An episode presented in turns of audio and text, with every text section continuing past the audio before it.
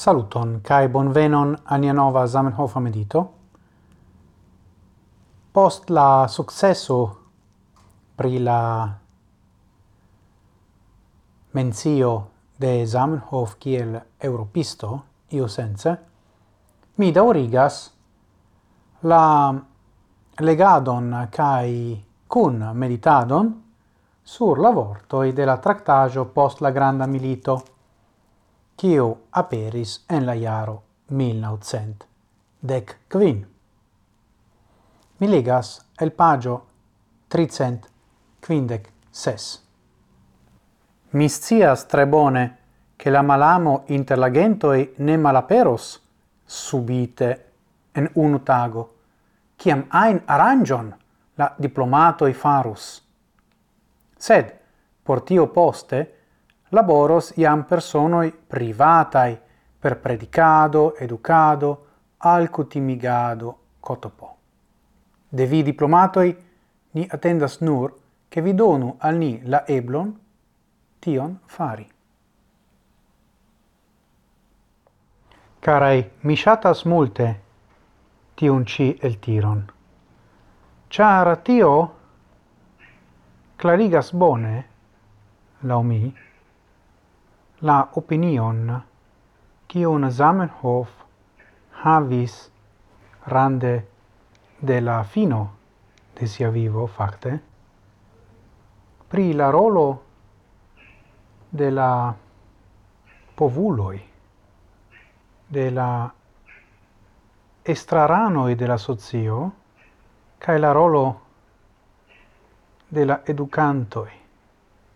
facte la diplomatoi, qui estis, che estas ancora compreneble, la representantoi de la registaroi, de la regnoi en tiu tempo do, de la landoi, de la statoi, nun tempe, havas la Zamenhof la rolon ebligi la clerigadon de la homoi per predicado alcutimigado do alcutimigio ni dirus hodiau kai educado pri noi ideoi. Kai shaina al mi che en la non tempa situazio che un ni ciui estas vivantai en la tuta mondo tio esas la pandemio tiu rolo de la homoi, kiu kiui havas la povon estas iel perdita. Char la educai institucioi aparte la lerneioi kai la universitatoi multe suferas kai oni ciam parolas pri ne perdi economian avantagion, savi la companioin, la firmao in la entrepreno in sed tio estas la rolo de la mercato, sed la rolo de la stato estas alia. La stato devas ebligi la mercaton. Almeno tio shainas esti la ideo de la maliuna Zamenhof, ni diru kai tio ankaŭ po ankau tio ankaŭ povas applicigi al um, aliro al Esperanto.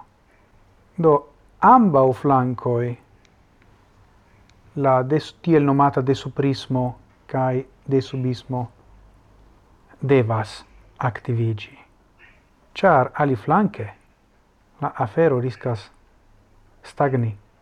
Tio estas mia instigo por cum mediti. Cio estas la rolo de la povuloi en la covima mondo?